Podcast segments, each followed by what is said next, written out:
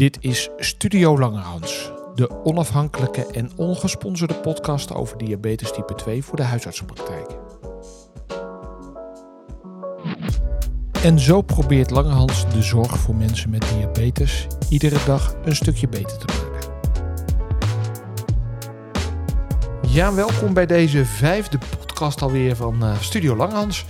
Mijn naam is Bas Houweling, ik ben uh, kaderhuisarts diabetes. En tegenover mij zit uh, Petra. Ja, ik ben er ook weer. Mijn naam is uh, Petra Dogger. Ik ben uh, diabetesverpleegkundige en praktijkondersteuner. En waar ook alweer? In het oosten van het land, in Heten. In Heten? Ja. Nou. Ben jij nog wat uh, tegengekomen in de, in de praktijk? Een leuke casus? In de dagelijkse praktijk. Ja, zeker. Ik, uh, ik uh, zie natuurlijk alleen maar leuke mensen. Dat is uh, sowieso in eten zo. Maar er kwam een mevrouw op het spreekuur...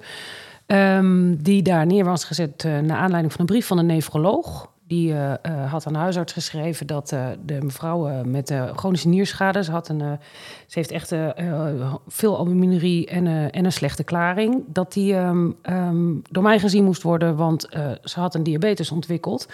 En toen ik in het uh, ziekenhuisdossier ging kijken, uh, bleek ze een HbA1c te hebben van 49, maar wel gewoon nuchtere suikers tussen de 5 en de nou, maximaal 6,5. Dus ik dacht, nou, oké, oké, oké. Um, BMI van 35, maar de uh, had alvast metformine gestart. En um, voor de rest niks uitgelegd. Dat was nog wel een beetje een, een shock voor mij. Hij had alleen tegen haar gezegd: Ja, het is niet goed voor je nieren, dus dat moet behandeld worden. En ik dacht echt, nou, volgens mij is dit nou net iemand voor een SGLT2. Als je dan chronische ja. nierschade hebt. Ja. Dus, um, nou ja, ik heb uh, wel even netjes met de huisarts overlegd. Ik zei, ja, weet je, ik heb haar gewoon naar de diëtiste gestuurd. Want ze had ook zeker nog wel gewoon winst in leefstijl uiteindelijk. En in haar gewicht natuurlijk. Um, ik heb haar het een en ander natuurlijk uitgelegd over hoe het werkt en hoe het zit. Maar um, ik heb toch ook maar in overleg met de huisarts een mail gestuurd naar de nefroloog. Oh, heel goed. Heel om goed. te vragen van, goh, wat was dan de overweging om met familie te beginnen en Ja. niet een SGLT2 te geven? Terwijl ik dacht, nou, ik zie niet zoveel mensen met heel slechte nieren. Maar dit is er nou En net toevallig- een waarvan je denkt, nou, die hoort erbij. Bij ons in de standaard. En je ziet het tegenwoordig ook steeds meer, ook bij mensen zonder diabetes. Ja. En dan deze patiënten geven ze net Nee. wat anders. Nee. Nee, het Ja. was ook nog een jonge nefroloog. Ik dacht, nou, misschien is het wel een hele oude. Dus ik opzoeken wie het was. Het was echt een jonge gast. Ik denk, die moet toch gewoon op de hoogte zijn, zou je denken. Maar goed dat je het wel opvalt, hè? want eh, je, ja, je moet eh, steeds toch weer opletten. Hè? Ja. Welke, welke patiënten zijn nou een hoog risicopatiënt? Ja. Ik las pas alleen een artikeltje van, van Bertine eigenlijk, van Mhm. onze eh, collega, dat er toch nog wat tegenvalt. Hè? Dat eh, toch nog best wel wat mensen in de dagelijkse praktijk nog niet Ja.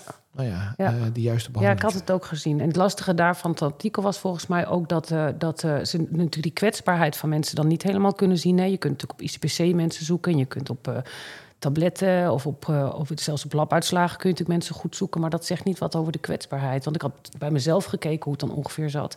En de mensen die hem dan niet hadden, die misschien wel in aanmerking kwamen op papier.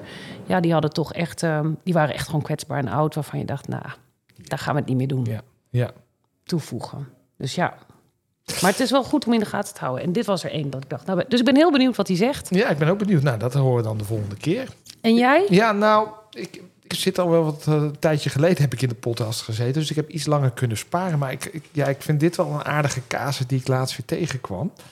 Eh, ik haal dus eh, nou ja, aan het einde van de dag een beetje de labuitslagen binnen. En dan eh, kijk ik van, hey, wat is er aan de hand? Allemaal. En dit, dit was wel opvallend iets. Want het was iemand die een HbA1c van 40 had. En dan kijk ik toch altijd even van, hey, hoe zit dat dan? Wat voor medicatie? Wordt die, staat daar tegenover? Wordt die niet overbehandeld? Mhm. Nou, dit was een meneer van 70 jaar. HbA1c dus van 40.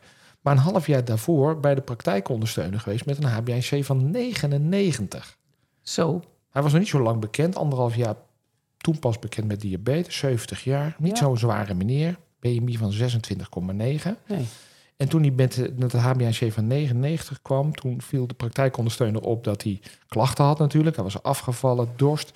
Maar hij dronk anderhalve liter volle melk. En toen zei ze, nou dat is misschien niet heel eh, goed. Je Nee. moet wel goed drinken. En toen is ze met metformine gestart. En, en hij heeft gezegd van stop even met die anderhalve liter. Mhm. Nou, dat heeft die meneer gedaan. En, eh, en toen zei hij, eh, toen hij twee maanden later op het spreken kwam... nou, dat gaat eigenlijk heel goed. En ik ben ook, mijn leefstijl heb ik aangepast. Ik ben minder gaan snoepen ook. En ik drink niet meer die melk. Mhm. Ik vergeet wel af en toe mijn medicatie. En ik ben er ook echt niet happig op. Want HbA1c was twee maanden later 63. Wilde eigenlijk wilde die niet ophogen. De praktijkondersteuner zei, je moet het eigenlijk ophogen. Hij wilde er liever mee stoppen. En toen drie maanden later, toen haalde ik dus dat lab binnen. En toen was hij dus 40. Dus ik denk, nou, ik ga die meneer toch eens bellen wat hij nou uh, doet dan. Ja. Dus ik belde hem op en uh, dat was gewoon overdag. Toen kreeg ze een vrouw aan de lijn. Die zei, ja, hij staat boven te sporten. Oké. Oh, ik dacht, nou, dat is op zich wel goed. Dus ik, ik krijg hem, nou, springt de telefoon. Ja. Ik zeg, nou, u bent goed bezig, hoor ik. Toen zei hij, ja, ja. Ik zeg, wat bent u aan het doen dan? Ja, ik heb een nieuwe leefstijl, zegt hij. Ik druk mij 400 keer per dag op. Hoe vaak? 400 keer. Nee. In, in sessies, niet achter elkaar, 400 keer per dag. Ja, bizar. Nou, ja, de HbA1c was natuurlijk spectaculair gedaald. Maar dan zie je dus, uh, uh, hij was inmiddels, ondanks dat hij niet echt gigantisch voor zijn overgewicht had, toch 12 kilo afgevallen. Oké. Okay. Ja. Van Ja. vier, en dat was echt het enige wat hij deed? Of deed hij ook Ja, aan cardio? Of lopen, of Nee. wandelen? Nee, Of, dat deed hij al. Hij deed, hij deed een half uur per dag lopen. Ja, nou, het is toch wel weer aardig, toch? Dat leefstijl. Ja, dat mensen soms eh, het licht zien en dan in één keer hun leefstijl omgooien. Zo. Ja. nou ja, wel spectaculair. Ook een zakken in de HbA1c dan natuurlijk, hè? Ja. Op korte termijn, als je dan toch dingen gaat doen. ja. Blijf weer aanzet. Zullen we eens naar het volgende item gaan? Zeker. Bellen met een diabetes-expert. Ja, ik heb Leonie Rozien gevraagd om, eh, om haar eens te mogen bellen. Oké. Wie is Leonie Rozien? Da- dat is een podotherapeut. En zij werkt in Zwolle op het diabetescentrum al heel wat jaren. En naast dat zij gewoon praktiserend podotherapeut is, doet zij ook een promotieonderzoek naar diabetesvoeten. Nou, dat Oh. is toch eh, Wat leuk. een podotherapeut die aan het promoveren is. Ja. En zij be- be- benaderde mij pas geleden, want ik ken haar al heel wat jaren, of ik met haar wilde meeschrijven aan een artikel over ingegroeide teennagels. Oké. Weet jij hoe... Nou ja, dat- Pijnlijk. ja, pijnlijk. nou ja, weet jij hoe, dat, hoe wij dat behandelen als huisarts of chirurgen? Ja, volgens mij snij je toch een stuk van de nagel weg. Met zo'n vervelende verdoving in je tenen en dan snij je maar. Ja, ja, ja. Ja, dat Oei. klopt. Halen dus een klein stukje van die nagel af. Ja. En dan eh, de- zeg maar het buitenste deel. En die nagel wordt dan smaller. En dan proberen we met fenol. En dat heet dus een partiële nagelextractie. Ja. Proberen met fenol ook nog dat eh, ja, nagelbed eh, weg te halen. In ieder geval dat die nagel niet meer uitgroeit. Oh, je hebt wel, dus altijd daarna een smallere nagel. Ja. ja, dat is, dat, is, eh, dat is de bedoeling. Maar me- ja, soms lukt dat niet. Dan groeit die toch weer uit. Maar ik vind het altijd be- best wel, het best wel... Het is een leuke ingreep, maar best wel heftig. Ja. Ja, als je dan denkt van, oeh, hoe zou dat nou gaan als ik een gecompliceerde diabetes heb? En Leonie die zegt al jaren, bij ons toen ik daar ook nog werkte, jullie zitten veel te veel in die tenen te snijden. ja. Moet je helemaal niet doen. Wij kunnen als podotherapeuten dat op een veel mildere manier doen. En zeker bij mensen met diabetes. En nou ja, het aardige van, van Leonie is dat ze het niet alleen maar zegt, maar dat ze het ook gaat onderzoeken. Dus ze heeft eh, een onderzoekje gedaan. Dat gaat ze binnenkort publiceren in het Nederlandse tijdschrift voor geneeskunde. En daarin heeft ze laten zien hè, dat ze ja, een aantal patiënten, of het, merendeel van de patiënten die naar de chirurg wordt verwezen voor zo'n Mhm. partiële nagelextractie. Mhm. Dus waarbij de huisarts al denkt, oeh, hier ga ik niet aan beginnen of het is mislukt. Dat zelfs bij, bij die patiënten meer dan de helft door de podotherapeut zonder zo'n heftige ingreep behandeld kunnen worden. Oké. En zij zegt dat moet je eigenlijk bij diabetes doen, want die hebben veel meer gecompliceerd beloop.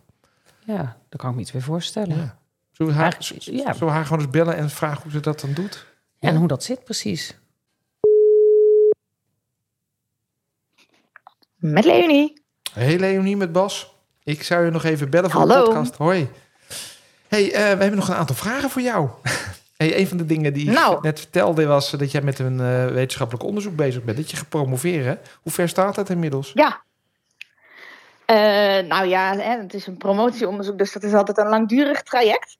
Maar ik hoop toch echt dit jaar eh, ergens een einde eraan te kunnen breien. Oh, Dus ja, wel de laatste hobbels. nou fantastisch. Zijn er meer po podotherapeuten gepromoveerd? Nee, er is één podotherapeut gepromoveerd. Maar nog geen diabetes-podotherapeut. En die willen we er graag bij hebben. Zeker. Zeker. Ehm, Leonie, even over die eh, ingegroeide teennagels. Hè? Want daar ging het volgens mij voor een deel over, hè? Ehm, Ja. Hoe, eh, hoe, hoe doen jullie dat dan eh, als podotherapeut? Ehm, als podotherapeut halen wij het stukje nagel wat in de huid zit. Hè, want dat is vaak het probleem, dat er Mhm. een stukje nagel in de huid zit waar je lichaam op reageert om dat eruit te willen hebben. Mhm. En daar ontstaat een ontstekingsreactie en dan zie je vaak wild vlees. Nou, wat wij doen is dat hoekje eruit snijden. Maar dat doen we zonder verdoving en zonder dat je een uh, bloedleegte hoeft te creëren. Dus het is eigenlijk een, een, ik leg altijd aan patiënten uit, een soort nagels knippen, maar dan met een scalpel. En je houdt het mesje andersom en je snijdt hem weg tot het hoekje van die nagel weg is. En daarna begeleid je de nagel met een nagelbeugel. Zodat hij weer goed uitgroeit en dat je dus niet het probleem opnieuw terugkrijgt. Nee, maar dat is dus wel anders wat, eh, dan wat eh, huisartsen in Nederland doen. Volgens Ja. mij. Ja, want de richtlijn eh ingegroeide teennagels die geeft aan dat je in principe een, een partiële nagelresectie moet doen, of de wigexcisie. Mhm. Hè, waarbij je inderdaad een verdoving in de teen zet, hè, bloedleegte creëert en dan een, een reep van de nagel eh, weghaalt en de matrix ook weghaalt, zodat dat stuk nagel ook niet meer teruggroeit. Wat is een matrix? Dus dan krijg je, ja, dat is het stuk waar de nagel gevormd wordt. Oké. Wat wij met Dus dan krijg je ook niet meer opnieuw een nagel. Ja, wat je met fenol inderdaad doodmaakt, zodat daar geen nagel meer kan groeien. Ja. Ja, dan heb je dus eigenlijk al, voor altijd een veranderde teen eigenlijk ook. Meteen. Ja, ja, op dat plekje komt inderdaad geen nagel meer te zitten. Nee, en de manier waarop en dan jullie dat dat doen... niet altijd. Ja, zeg maar. Ja, bij ons komt de nagel wel gewoon terug. Ja. Ja. Alleen omdat we hem goed begeleiden bij het uitgroeien, geeft hij dan niet opnieuw problemen als het goed is. Nee. En doen alle podotherapeuten in Nederland dit op dezelfde manier? En kunnen die dat allemaal? Ehm, in principe kunnen alle podotherapeuten ingroeide teennagels goed behandelen. Mhm. Maar de manier waarop wij dat inderdaad eh, doen, eh, begint zich nu wel een beetje over Nederland te verspreiden. Hè, maar wij hebben dat inderdaad eh, in Zwolle zijn we daarmee begonnen. Omdat wij inderdaad veel mensen met vaatproblemen zagen, met diabetes. Mhm. Waarbij de vaatchirurg zei, ik ga hier geen, geen operatie in uitvoeren. Dus we hebben eigenlijk uit nood deze manier van behandelen ont- bedacht. Oh, ja. Ja, maar is, ik vind het zelf ook altijd best wel een heftige eh, behandeling... als je dan eh, je voorstelt dat je dat bij een patiënt met diabetes moet doen. Ja. En jij zegt van nou, dat, het, is altijd een optie om dat te proberen. Je hebt ook laten zien volgens mij in je onderzoek... hè, dat dat eh, bij het merendeel van de patiënten ook heel, helemaal goed gaat. Ja, we hebben een studie gedaan eh, waarbij we 88 mensen met diabetes en een vaatlijden hadden. Mhm. En 91% van de mensen konden wij hiermee genezen. Dus dat is best wel heel hoog. Zonder, het, eh, zonder het mes dieper in die matrix te hoeven zetten. Ja, Ja, nou, en zonder dat je daar dus mee een grotere wond creëert. En dat is natuurlijk bij mensen met vaatlijden en diabetes wel heel fijn. Hey, en zouden wij dit als huisartsen zelf ook kunnen? Of praktijkondersteuners? Of zeg je nou, daar moet je echt wel een podotherapeut voor zijn? Want wij doen natuurlijk die Eh, hele... Nou, praktijkondersteuners denk ik niet. Want die hebben natuurlijk helemaal geen ervaring met, met snijden met scalpels. Nee, Nee. Dat is wel handig als je dat goed kunt hanteren. ja. Maar in principe zou een huisarts dat prima kunnen doen om inderdaad die nagel op die manier weg te halen. Alleen zal die dan wel daarna moeten doorverwijzen naar een podotherapeut voor de nabehandeling. Voor, die, voor dat beugeltje. Ja, Ja, want dat, ja want wij- dat is wel een specialistisch techniekje. ja nee, dat, dat, dat, dat hebben wij nog nooit gedaan. Denk ik. Eh, eh, maar ik, wat ik ook nog wel eens doe, en dat, dat begreep ik van jou ook, dat dat echt wel een optie is in het begin, is gewoon een watje, of een, hoe noemen jullie dat? Een, een watje onder die nagel. Ja, een tamponage. Een tamponage. Ja. Eh, zodat Ja, die nagel Daar heb je van het hele dunne vlies. Ja, Ja, om de nagel een beetje omhoog te wippen. ja, Ja, zeker als mensen inderdaad, hè, want heel veel ingegroeide teennagels ontstaan doordat mensen de nagels fout knippen, dat ze een hoekje wegknippen, mhm. als, of dat er een hoekje afbreekt. Mhm. En als daar nog geen ontsteking is en geen open wond, dan kan je daar heel goed inderdaad wat onder dat hoekje leggen, zodat de nagel weer omhoog komt en over het topje van de teen groeit. Ja. Hey, en ze- hoor ik jij nou gewoon zeggen, als je diabetes hebt, of nou ja, misschien ook wel andere mensen, maar in ieder geval iemand met diabetes, toch verdenking op gecompliceerd beloop, ga nou niet zo'n partiële nagelextractie in eerste instantie doen, maar probeer dat samen met de podotherapeut gewoon eh, wat minder agressief op te lossen. Ja, dat zou ik zeker adviseren. Ja, en dat heb je ook laten zien. Nou ja, heel mooi. Hey, zou Ja. je niet een filmpje op diabetes2.nl kunnen maken? Hoe, hoe dat eruit ziet? Ja, zeker. Dat is toch Ja, dat kunnen we zeker Ja. doen. Ja. Heel leuk. En eh, wat ik me afvroeg, hè, Leonie, die, die, eh, want, want kijk, als een huisarts natuurlijk zo'n kleine ingreep doet, dat, eh, dat wordt gewoon onder de huisartsenzorg eh, vergoed. Hè? En als je nou zeg maar die alternatieve behandeling bij de podotherapeut doet, wat kost dat dan ongeveer? En wordt dat vergoed voor mensen met diabetes?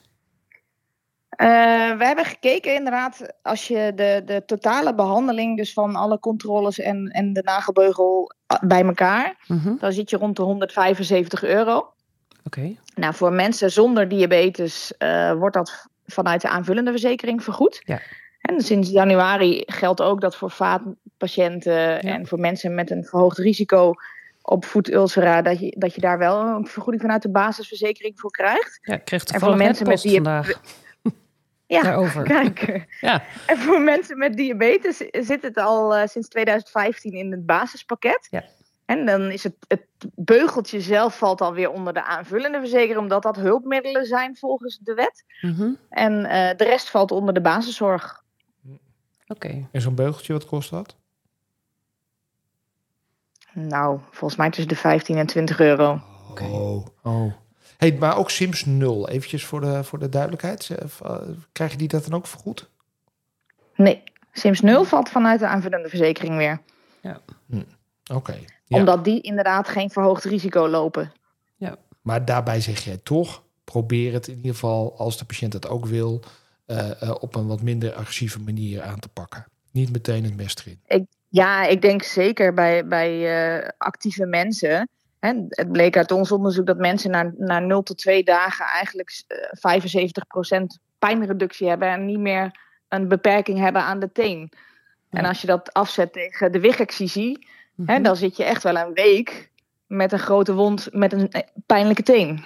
Ja. ja. Zeker. Ik denk niet dat iemand met een wigexcisie je na twee dagen zijn schoenen aantrekt.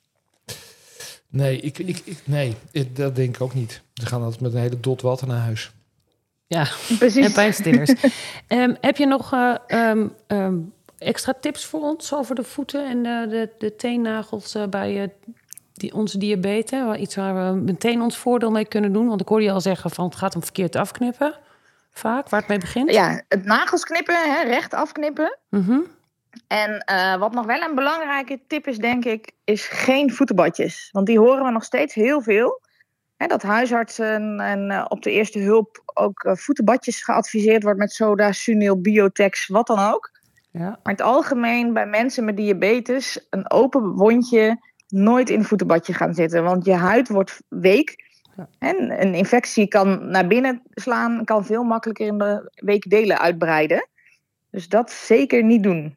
En zoek altijd gewoon professionele hulp en ga er niet te lang mee doorklooien zelf. De Want patiënt. het kan heel goed al. Ja, ja, ja, patiënten. ja. Maar ook de zorgmedewerkers. hè, Want een ingegroeide teennagel kan heel snel een, een portentree zijn naar binnen. En dan zit je vrij snel bij het bot. Ja. Nou ja, gewoon lokaal je, je podotherapeut erbij betrekken. Kijken of het de goede kant Ja. op gaat. Niet te snel het mes erin. Nou, eh, ja, ik, ik vond het heel... eh, eh, t- t- toen ik dat las van jou, toen dacht ik... hé, hey, dat is toch wel een eye-opener voor ons. Leuk. Nou, we gaan dat filmpje gewoon maken. Ik, eh, ik wil je heel hartelijk bedanken, Leonie. En succes met het laatste deel van Graag de gedaan. promotie. Goed. Gaat vast goed komen. Dankjewel. Ja, oké. Dankjewel. Dag. Doei. Ja. Leuk toch? Ja, heel leuk. Maar wat ik ook nog zat te denken is natuurlijk... Mensen gaan met hun ingegroeide teennagel natuurlijk gewoon heel graag vaak wel gewoon naar de huisarts. Hè? Dus die moet ook eh, echt heel alert zijn op het feit dat als het dan een diabetes is, dat je daar toch even anders naar kijkt dan dat je misschien überhaupt doet. Maar ook bij die jonge meiden, joh. Ik Ja. heb wel eens, nou, of jonge meiden, maar ook jonge mensen, toch? Dan, Nou ja, dat je, Ik heb er toch wel echt, als je in een 16-jarige teen zit te snijden... en dat je dan denkt, ja, nu merk ik blijvend die teen eh, Ja. anders... terwijl het gewoon waarschijnlijk een verkeerd afgeknipte nagel is. Ja. Ja. ja. Nou, zullen we nog eens kijken of er nieuws in onze vakbladen staat? ja, helemaal. Leuk. Diabetesnieuws uit de bladen. Oké, ik had, ehm, ehm, ik kijk nog wel eens op LinkedIn. Zowel eh, eh, gewoon eh, voor allerlei berichten die mensen zetten, maar ook daar volg je, kun je bijvoorbeeld heel veel artikelen vinden. En zo kwam ik, de, je kunt de Diabetes Pro bijvoorbeeld online ook volgen. Dat En is jullie vakblad. Ja, van, van de, van, eigenlijk van de diabetesverpleegkundige. Maar er staat er ook heel vaak echt hele nuttige informatie voor POH's in. Dus dat is iets wat ze sowieso online kunnen volgen. Want als je geen lid bent van de VNVN Diabeteszorg, dan krijg je dat blad niet. Ehm, En daar stond een, eh, een artikel van eh, Matthijs Hesselink. En die is eh, hoogleraar lichamelijke activiteit en mentale gezondheid bij de Universiteit van Maastricht. En daar zat een, hij had het hele artikel eigenlijk ook meteen opgenomen in een, in een soort nou ja, podcastachtig filmpje eigenlijk, wat je aan kon klikken. En dat was wel heel kort maar krachtig. Dat ging over valgerelateerd letsel bij 65-plussers en waarom wij dan vooral op de diabetes moeten letten. Ehm, die hebben een eh 17 keer zo hoog risico dan, of om te vallen als mensen eh, eh, zonder diabetes in, als ze 65 plus zijn. Nou, bij ons zijn ze A, een heleboel 65-plussers tussen. En ze hebben dus een heel hoog risico. En ehm, ehm, hij legt ook uit dat, dat natuurlijk, hè, je kunt het bedenken door neuropathie, dat je, dat je balans eh, minder goed wordt. Maar ook dat je zicht en zenuwgeleiding overal afneemt, waardoor de sturing natuurlijk veel minder wordt. En ehm, ja, dan wordt je valgevaar groter. En naast dat die glucoseregulatie dan natuurlijk van belang is, hè, om eerst die neuropathie te voorkomen, hè, die microvasculaire complicaties, zei hij ook dat je eigenlijk in je dagelijkse routine ehm, ehm, balansoefeningen moest toevoegen. Dus eh, net als ja, terwijl je staat te tanden poetsen, moet je die oefeningen eigenlijk doen, want dan doe je ze de hele tijd. En dat leverde dus echt heel veel resultaat. Binnen, eh, binnen zes maanden was er een meetbaar verschil. Er Dat, dat mensen dus eh, meer, beter hun evenwicht konden houden, minder vielen en eh, ook minder last hadden van hun neuropathie door de balansoefeningen. Nou, dat vond ik wel een interessant gegeven. Ik Ja? adviseer nu. Nou ja, ik, Standaard balans. Maar dat volgens mij is het ook de norm gezond bewegen. Daar staat toch ook die balans ja, daar staan die balansoefeningen ook. Maar- maar Maar ja, we wat- moeten- precies, wat doe je dan? Want dat Ja. zei die niet. Dus eh, ik heb nog wel even gegoogeld. En, eh, en eh, nou ja, dan vind je van alles en nog wat. Iedereen raadt dan meteen yoga aan. Maar dan denk ik altijd, ja, dat zijn er ook heel veel strekoefeningen bij de yoga. Daar doe je wel wat balans natuurlijk. Maar als je dat dagelijks moet doen in je gewone dingen... Je moet toch misschien wel ju- juist, juist wat spierversterkende dingen rond je enkels... kan ik me iets bij voorstellen. Ik ga, toch je- eens, ik ga toch eens vragen aan Bas van der Goor of die Ja. weet wat het is. Ja, Wat, nou ja, wat het is weten we natuurlijk wel, maar hoe je dat praktisch kan doorgeven aan je patiënt. Zo van, nou, doe dit en dan doe je balansoefening. Ja, dan doe je ook goede balansoefeningen. En daar help je het mee. Nou ja, ik vind wel, als je ziet, 17 keer zo hoog risico is veel, hè? Ja, heel veel. Terwijl het risico is dus eigenlijk al best heel groot bij een heleboel mensen. In het vallen kan, ik heb het laatst in de praktijk twee heupfracturen in één week. Ja. Ja, nou ja, wat eh, er stond eh, in de, in de eh, Nederlands tijdschrift voor praktijkondersteuners, hè, van, die wij wel krijgen allemaal. Ehm, daar stond een artikel juist weer over ehm, eh, valgevaar. En dat als mensen bang zijn om te vallen, dat ze dan dus juist vallen. Dus als je natuurlijk al wat slechter je evenwicht kan houden door neuropathie en dergelijke, Ja. ben je A misschien minder geneigd om te bewegen. Dat is niet wat je wil. En B, ben je bang om te vallen en val je dan dus waarschijnlijk ook nog meer. Nou, een extra aandachtspunt. eh, Zeker. ja. En het filmpje is dus te, te bekijken. Ja. Ja. Ja, ik heb het NTVG, het Nederlandse Tijdschrift voor Geneeskunde, weer doorgespit de laatste maand. Ja, daar stond eigenlijk weinig relevant di- diabetesnieuws in. En Huisarts en Wetenschap, dat is ons vakblad. Mhm. Ja, daar kwam ik afgelopen week kwam er een nieuwsberichtje langs. En dat eh, trok mijn aandacht. Ik werd Mhm. er ook op aangesproken door iemand. En dat had als titel... Leefstijlinterventies bij diabetes verlagen de mortaliteit niet. Oh jee. Ja, dan denk je als lezer... Ja, zie je wel, dat leefstijlgedoe... dat kost heel veel tijd en moeite Mhm. en het helpt niet. Ja, dat is eigenlijk een, een samenvatting... was dat in Huisarts en Wetenschap... van een eh, groot reviewonderzoek van Zucatti... In de, gepubliceerd in Diabetes Care. Dat is Ja. een eh, groot diabetes tijdschrift. Mhm. En dat is een meta-analyse waarbij ze heel veel onderzoeken, in dit geval RCT's, gerandomiseerde studies, op één hoop vegen. Zeven gerandomiseerde onderzoeken gingen over, eh, nou, gingen over mensen met prediabetes en vier onderzoeken over mensen met diabetes. Waarbij ze dus hebben gekeken of intensieve leefstijlinterventies, nou ja, of dat nut had op de overleving. Mhm. De gemiddelde interventie duurde vier jaar met een follow-up. Let op, 2 tot 30 jaar. Dus best wel een Zo. grote follow-up na die studie om te kijken van hoe gaat het dan met die mensen. Ja. Totaal meer dan 16.500 mensen meegedaan, maar dus geen effect op de totale mortaliteit en ook niet op de cardiovasculaire mortaliteit. en schrijft, dus, schrijft natuurlijk wel van ja, hoe komt dat nou? Mhm. En zij denken dat er toch een sterk teruglopende therapietrouw is geweest in de loop van de tijd. Dat mensen het wel volhielden tijdens de studie, maar daarna toch weer een beetje daarmee eh, ja, dat niet volhielden. Nee. En ook, je hebt natuurlijk altijd de controlegroep. En de controlegroep krijgt natuurlijk ook de reguliere zorg. En in dit geval kregen ze ook wel leefstijladviezen. Ja. Waarbij die mensen misschien ook wel wat eh, eh, nut eh, hadden daarvan. Ja, Ja, last, dat is wel lastig dit. lastig te duiden, toch? Ja. Ja. Nou ja, je, je denkt dan inderdaad meteen bij jezelf, nou laat maar zitten dan. Nou ja, ik denk niet dat je dat moet doen. Nee. Ik denk niet dat je dat moet doen, want ik denk hè, de mensen die dat is net zo goed als dat je zou zeggen van nou, hè, we weten dat statines helpen tegen het verlagen van hart- en vaatziekten. Mhm. En dan ga je vervolgens kijken, ah, wat gebeurt er dan als mensen zich er niet meer aan houden en dan blijkt dat het dan niet werkt. Ja, dat, dat, dat, dat, dat leefstijl, ja, dat is natuurlijk wel mo- moeilijk om dat levenslang vol te blijven houden. En dat zie je natuurlijk in al die interventiestudies. Ja. Hè. Zolang de Ja. studie loopt, Ja. doen mensen dat, maar daarna zakt het terug. Ja, dat is natuurlijk wel heel herkenbaar uit de praktijk ook, hè? Dat als je, als je iets heel intensief met mensen doet, dan, dan, dan, dan, hè, dan, dan is ook de aandacht en die, er, die jij eraan geeft en die ze er zelf op dat moment voor hebben, is groot. Maar dat zakt toch ook wel weg.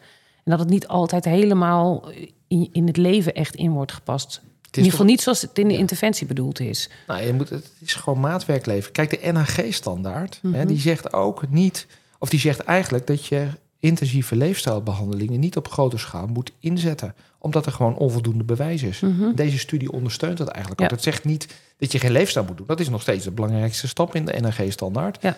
Maar je moet het dus op maat doen. Ja. Dus niet je hele populatie ja, eh, massaal eh, vijf jaar lang onder de arm nemen. Nee.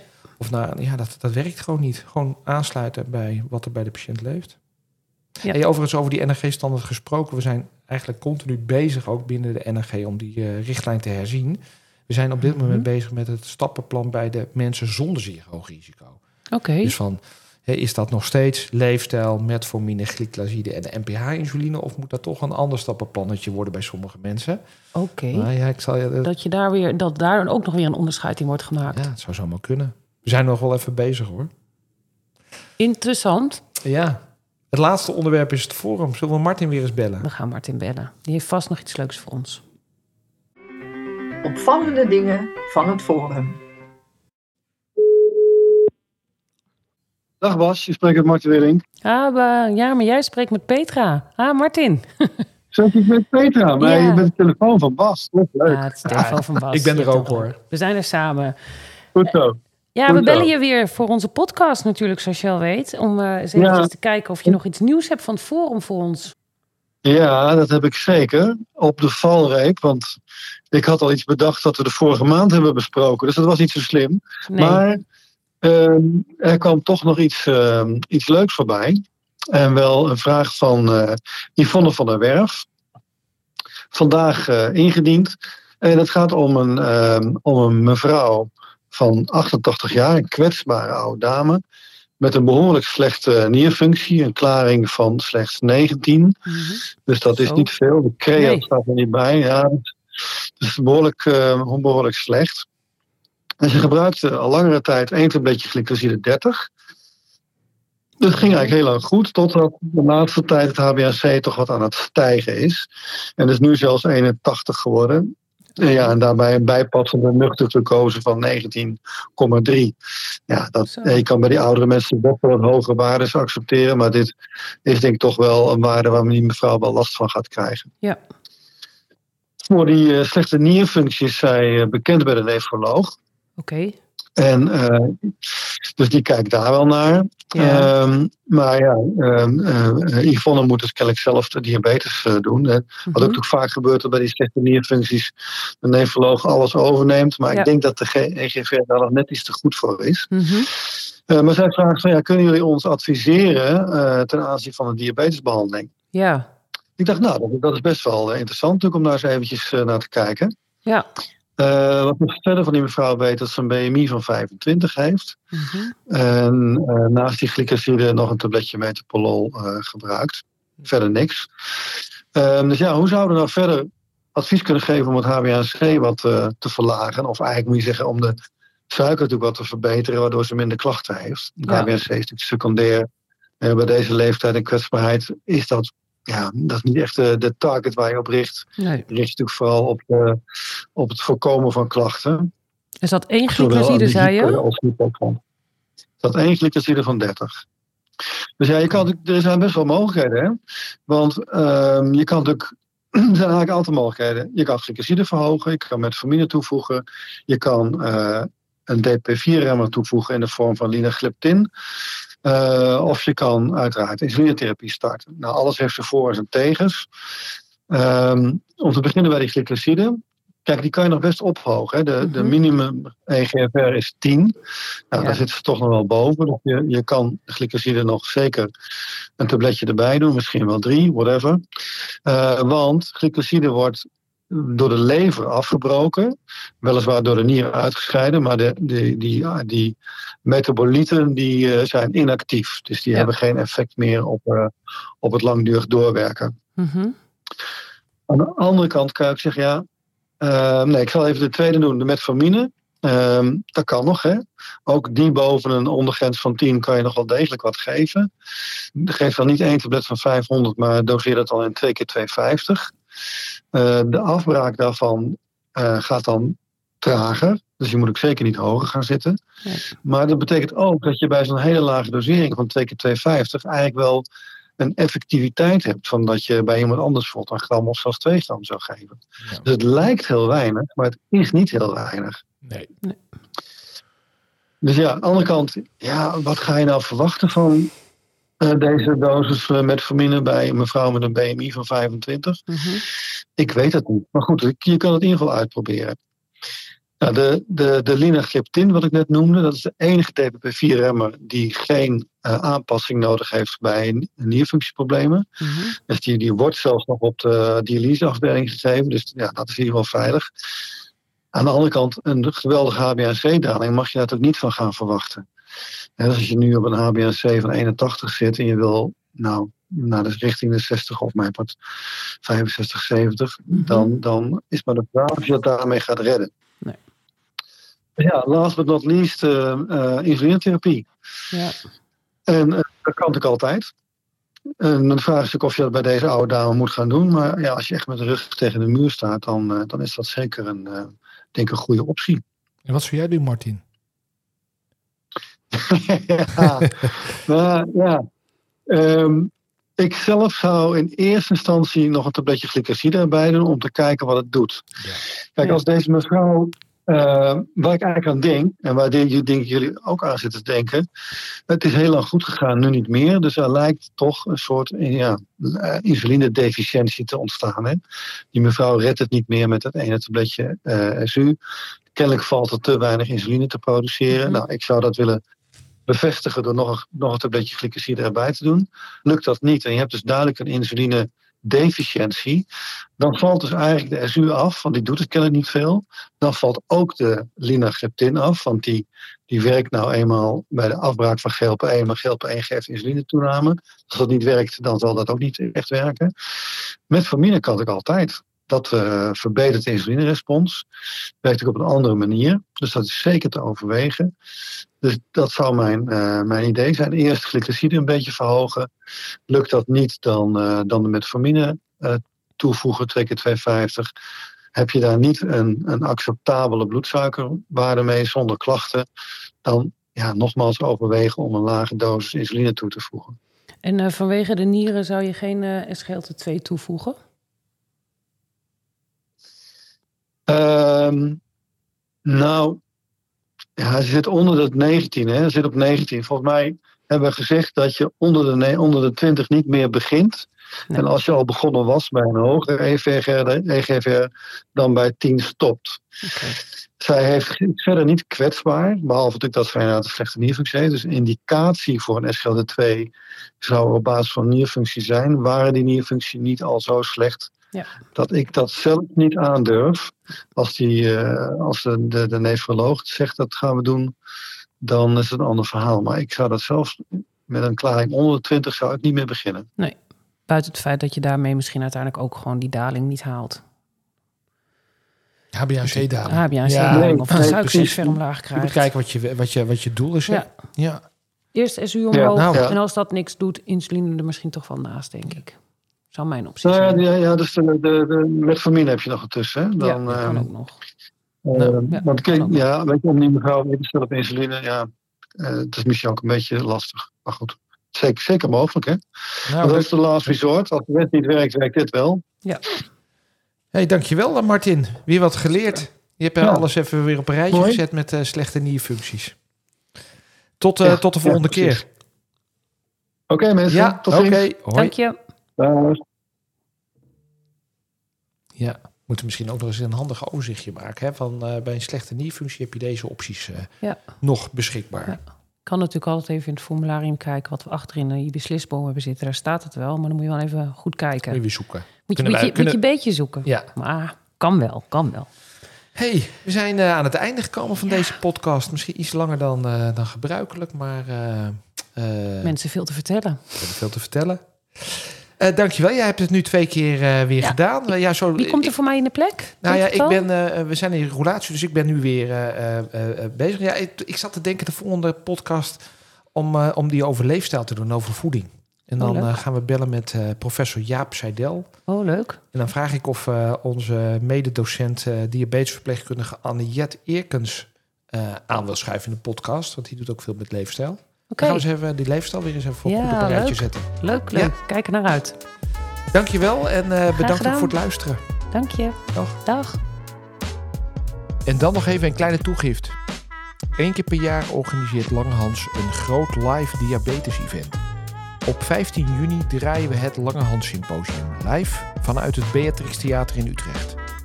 Dit keer gaan we het hebben over eetverslaving, vetverdeling, zorgmeiders, waarom je een SGLT2-remmer niet moet geven aan iemand met een LADA, nieuwe ontwikkelingen op het gebied van diabetes, slapen en wanneer spreek je van diabetes in remissie en wat dan?